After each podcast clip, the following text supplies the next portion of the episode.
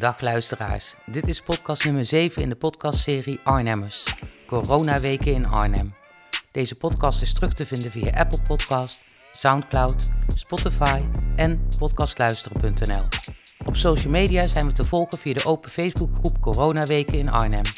De podcast Arnhemmers is een guerrilla-project van ZOZ Platform voor Debat en tegelijkertijd een platform voor makers. Vandaag gaan we luisteren naar een gesprek tussen Anita van Rootselaar, team ZOZ en collega-journalist Marlies Rothoff.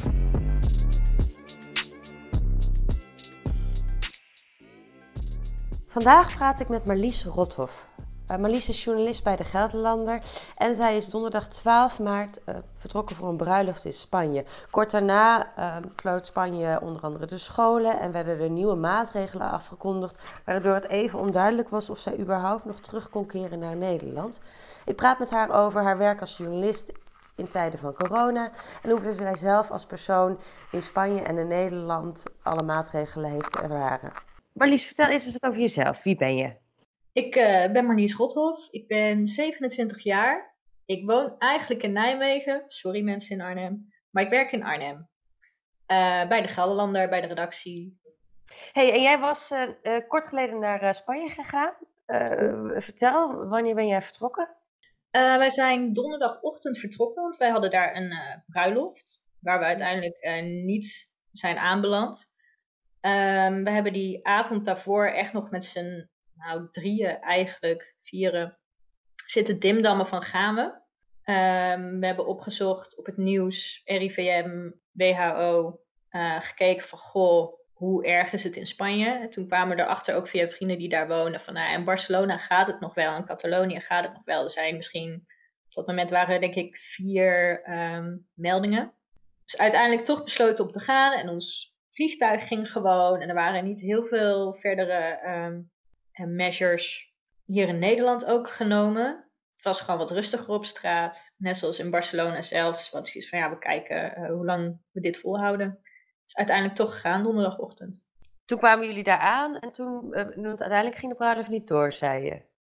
Nou ja, die, die is wel doorgegaan, maar wij oh. zijn eerder weggegaan. Omdat ah. uh, op donderdagavond dus zeg maar, nou, ik denk twee uur nadat wij zijn aangekomen, kwam Spanje met uh, de scholen gaan dicht. Dus toen hadden we wel zoiets van, oh, oké, nou dan wordt het hier iets serieuzer. Maar mhm. goed, we kijken wel. Want er zagen nog gewoon mensen op straat en kinderen buiten spelen. En het was lekker weer. Dus we hadden zoiets van, we kijken hoe hard het uit de klauwen gaat lopen. De dag daarna was ook gewoon eigenlijk een heel chille dag. Lekker in het zonnetje gezeten, in het park rondgelopen, gewoon lekker uh, aan zee gezeten. Maar s'avonds om negen uur, half tien, kwam toen in één keer die oproep van de prime minister van uh, Catalonië president van Catalonië. Met ja, eigenlijk wil ik de, de grenzen sluiten van de provincie. Dus niet, niet alleen grenzen sluiten qua uh, uh, auto's en zo, maar ook gewoon voor treinverkeer, vliegverkeer. En wilde de havens sluiten, gewoon omdat er steeds meer meldingen kwamen. En dat was het moment dat jullie dachten, misschien moeten wij toch maar gaan.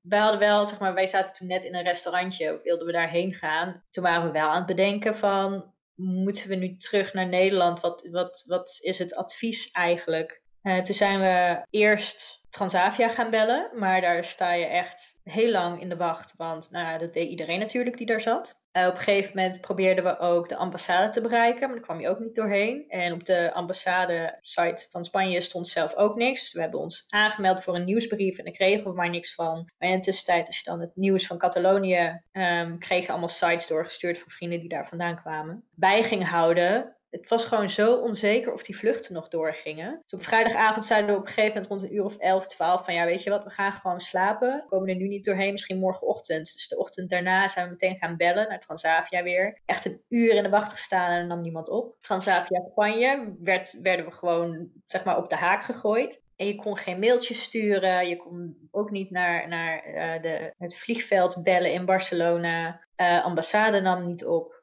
Dus toen zijn we naar het vliegveld zelf gegaan. Daar ja, kwamen we op een gegeven moment bij zo'n steentje van Transavia helemaal weggemoffeld in een hoekje van dat, uh, van dat vliegveld. En dat was al tering druk daar. Ik weet niet of ik dat mag zeggen, maar het was tering druk op het vliegveld. En zeg maar, de metro's waren helemaal uitgestorven totdat je dus op het vliegveld kwam. En daar de holtrap naar beneden nam. En ja, iedereen zat daar te wachten op een vlucht Was dat trouwens niet ook dubbel? Want je zit dan dus juist met, als ik je zo hoor, met een heleboel mensen bij elkaar op de lip, omdat je allemaal weg wil. Daar maakten we op dat moment ons niet heel druk om, want we wilden heel graag weg. Het voelde echt alsof je uit een soort warzone uh, wegtrok. Dat is echt heel apart, zeg maar, de paniek die er dan hangt daar, zit je veel meer in die flow dan dat je maatregelen aan het nemen. Ja, je ziet wel mensen met, met mondkapjes en zo, maar je bent gewoon aan het proberen van, nou ja, weet je, dan maar anderhalve meter uit elkaar en zoveel mogelijk proberen om niks aan te raken of met een mouw of een iets. Ja, toen we bij dat steentje kwamen, zei die vrouw van ja, nee, je kunt de, de, de vlucht niet omboeken, want de, de vlucht voor vanavond zit al vol. Maar we weten niet zeker of we vanavond al gaan vliegen, want we hebben een heel klein beetje informatie dat waarschijnlijk het, luchtruim wordt afgesloten. Dus we hadden echt zoiets op dat moment van, Oké, dus we weten niet zeker, want uiteindelijk hadden we gewoon kunnen vliegen, bleek achteraf. Maar zij wist niks zeker. Niemand op dat vliegveld wist iets zeker. Alles was daar eigenlijk al afgesloten. Niks was nog open, geen winkeltjes. Alleen die stands van die vliegmaatschappijen. Maar iedereen handelde in blinde paniek. Dus wij hadden echt zoiets van: oké, dan boeken we een trein ergens heen. We probeerden eerst naar Parijs te komen, maar die zat al vol. En daarna naar een, een wat kleiner stadje in Frankrijk. Zat ook al vol. Toen uh, hadden we het geluk dat ouders van een goede vriendin van ons net over de grens bij Frankrijk wonen. Zijn we daarheen gegaan. Daar verder gereisd. hey, en als jij nu vergelijkt, want je hebt nu een beetje beleefd hoe dat ging toen je in Spanje was, toen er steeds meer dicht ging. Nu heb je eigenlijk opnieuw dat in Nederland gehad. Mhm. Is er een verschil in, in de manier waarop mensen daarop reageren? Nou ja, mensen in Spanje blijven echt binnen. Of tenminste, in het begin ook niet. De eerste dag was iedereen ook op straat aan het samengroepen van, nou ja, dan gaan we hier maar bier drinken. Maar die, die zaterdagochtend dat wij naar het vliegveld gingen, zag je in de buurt waar wij een Airbnb hadden, ook allemaal al bierblikken op stoepen staan. En je denkt, jongens, echt. Omdat de barretjes waren gesloten. Maar ze luisterden er meteen naar, soort van. Als in, misschien ook omdat ze het leger hadden ingezet om mensen naar binnen mhm. Dat, dat zag je ook echt gebeuren. Tenminste, ik, toen ik in de trein zat, mensen van een soort handhaving binnen een dorp achter een stel auto's aanreden. Op een gegeven moment, als je, als je later filmpjes zag of langs dorpen en stadjes reed, alles was leeg op like drie auto's na. En hier gaat naar mijn gevoel alles toch nog steeds door. Als ik naar de supermarkt ga, dan zie ik gewoon nog mensen in het park zitten. Want afgelopen maandag vond ik het echt heel erg druk. En ik kwam zondag uit Spanje met die paniek en haast van oké, we moeten echt opletten. En toen kregen we te horen van in Nederland is het nu ook dat alles gesloten wordt. Maar dat je mensen met kinderen dus dan wel en masse in die parken ziet. Dat ik denk van dit kan ook niet de bedoeling zijn. Voelde heel gek. Iedereen heeft natuurlijk een andere beleving van wat er dit gebeurt. Sommige mensen denken het uh, zal mijn tijd wel duren en maak me nergens druk om en ik ga gewoon nog met mensen afspreken. Sommige mensen raken in paniek. Hoe ervaar jij dit? En ook het thuisleven en uh, hè, dat de wereld een beetje stilstaat? Ik schipper er veel tussenin. Ik had uh, gisteren mijn eerste angstaanval. Um, die heb ik heel lang niet meer gehad. Um, maar het is wel fijn om te weten van dat het uit een soort hypochonder in mij komt. Dat je ook weet waar dat dan zit. En ik snap heel goed als mensen in paniek raken. Vooral omdat je constant wordt volgespamd door allerlei nieuws dat er weer een dode is gevallen en zo. En het is voor mij misschien ook een nadeel dat ik bij de krant werk. Dat je gewoon constant bezig bent met allerlei coronanieuws. Heb je daar wel een manier voor om dat een beetje ja, je daarvoor af te sluiten? Maar dan moet je ook gewoon voor jezelf bedenken, ja, bijvoorbeeld vandaag heb ik vrij en weekend heb ik uh, zo goed als vrij. Hoe ga je dat dan aanpakken? En dan vind ik het voor mezelf ook wel fijn om gewoon af en toe je mobiel even in een hoek te gooien en te zeggen tegen jezelf van en nu ga je even iets anders doen. Dus dat werkt redelijk. En met mijn ouders bellen.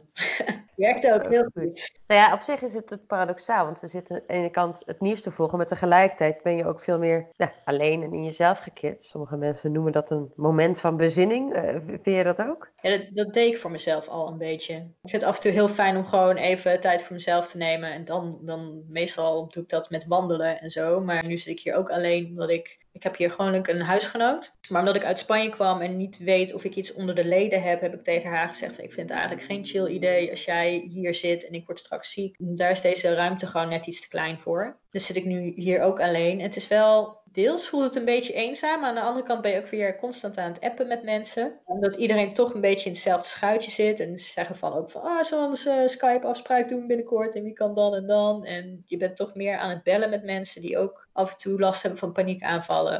Maar ik vind ergens ook wel weer mooi dat er zoveel mooie initiatieven in allerlei steden worden opgezet. En dat horecagelegenheden ontzettend creatief met deze tijden omgaan kunstenaars ook. Ik ben altijd heel erg blij als ik zie dat muzikanten gewoon doorgaan met liedjes maken. En uh, mijn favoriete bar hier in Nijmegen heeft vanavond, is waarschijnlijk nu niet meer vanavond, een, een virtual open mic. Ik denk, ja, dat is gewoon leuk. Weet je, dan kun je niet naar de kroeg, maar de kroeg komt wel naar jou. Nou, dat soort dingetjes, dat vind ik heel fijn dat mensen toch aan elkaar denken. En dat je naast dat, dat, dat je aan het vechten bent om wc-papier, dat, dat je toch ja, ook wel die, die saamhorigheid hebt met z'n allen. En misschien ook een bepaalde vindingrijkheid of creativiteit. Ja, zeker. Dat vind ik wel heel erg mooi. Ik vind zelfs uh, vergaderingen uh, leuk sinds kort. Gewoon omdat het heel erg grappig is om te zien hoe die mensen van onze redactie omgaan met uh, videobellen en zo. Geeft ook weer een nieuwe dimensie. Maar over jouw werk gesproken, hoe beleef jij zelf als. Je, je verwees al even naar van goh, uh, je zit er dan zelf natuurlijk ook noodgedwongen heel dicht bovenop. Maar hoe beleef jij zelf de verslaggeving over dit gebeuren? Ja, dat verschilt echt per medium, moet ik je heel eerlijk zeggen. Ik, ik vind dat wij met de Gelderlander het steeds beter doen ik had in het begin heel erg van jongens, we hebben, zitten nu echt heel erg op. Oh, weer een patiënt. Oh, weer iemand die corona heeft. Um, dat vond ik net iets te veel negativiteit. Maar we zitten ook steeds vaker op uh, de mooie acties. Ook de positiviteit daarachter. Dat vind ik wel, vind ik echt goed dat we dat oppakken. En ik zag volgens mij ergens ook een oproepje voorbij komen aan psychologen die iets willen zeggen over nou, bijvoorbeeld een angststoornis of angstaanval, paniekaanval en hoe je daarmee om zou moeten gaan. Dat vind ik al een, een stap in een goede richting, moet ik zeggen. Want je kunt niet alles alleen maar vanuit dit gebeurt er en er zijn zoveel doden. Want dat, dat zorgt alleen maar voor meer paniek. En ik denk dat je juist als nieuws nu ook de mooie dingen moet laten zien. Om toch die paniek in te dammen ook. Nou, dat lijkt mij een mooie afsluiting. Marlies, ik wil je heel erg bedanken voor het delen van je verhaal. En ik wens je natuurlijk ook heel veel succes voor de komende tijd met uh, alle verslaggeving van de coronacrisis. En natuurlijk alle verhalen ook uh, die nog steeds doorlopen, die er niks mee te maken hebben. Dankjewel, een hele fijne avond nog. Je luisterde naar podcast nummer 7 in de serie Arnhemmers met Anita van Rootselaar en Marlies Rothoff. Meer informatie vind je op onze social media kanalen. Zoek dan naar ZOZ Platform. Op de website zoz.com of op emyvanzon.com kun je een kort voicebericht van 90 seconden voor de podcast Arnhemmers achterlaten. Wat zou jij de Arnhemmers willen vertellen? We horen graag van je. Voor meer informatie en linkjes kijk even naar de show notes bij deze podcast. Binnenkort in de podcast Arnhemmers onder andere Leende Dauma en Hester van der Grift, die afwisselend met nog 20 andere vrijwilligers het vrijwilligerscoördinatiepunt van coronahulp in de wijk bemannen. Daar kun je naartoe bellen als je hulp nodig hebt of hulp wil bieden in de wijken Sonsbeek, Sint Marten, Klarendal, Spoorhoek of Burgemeesterswijk. Het nummer is 06 44 24 86 87. We hopen je hier de volgende keer weer te treffen. En in de tussentijd, was je handen, houd anderhalve meter afstand, blijf veilig, blijf thuis.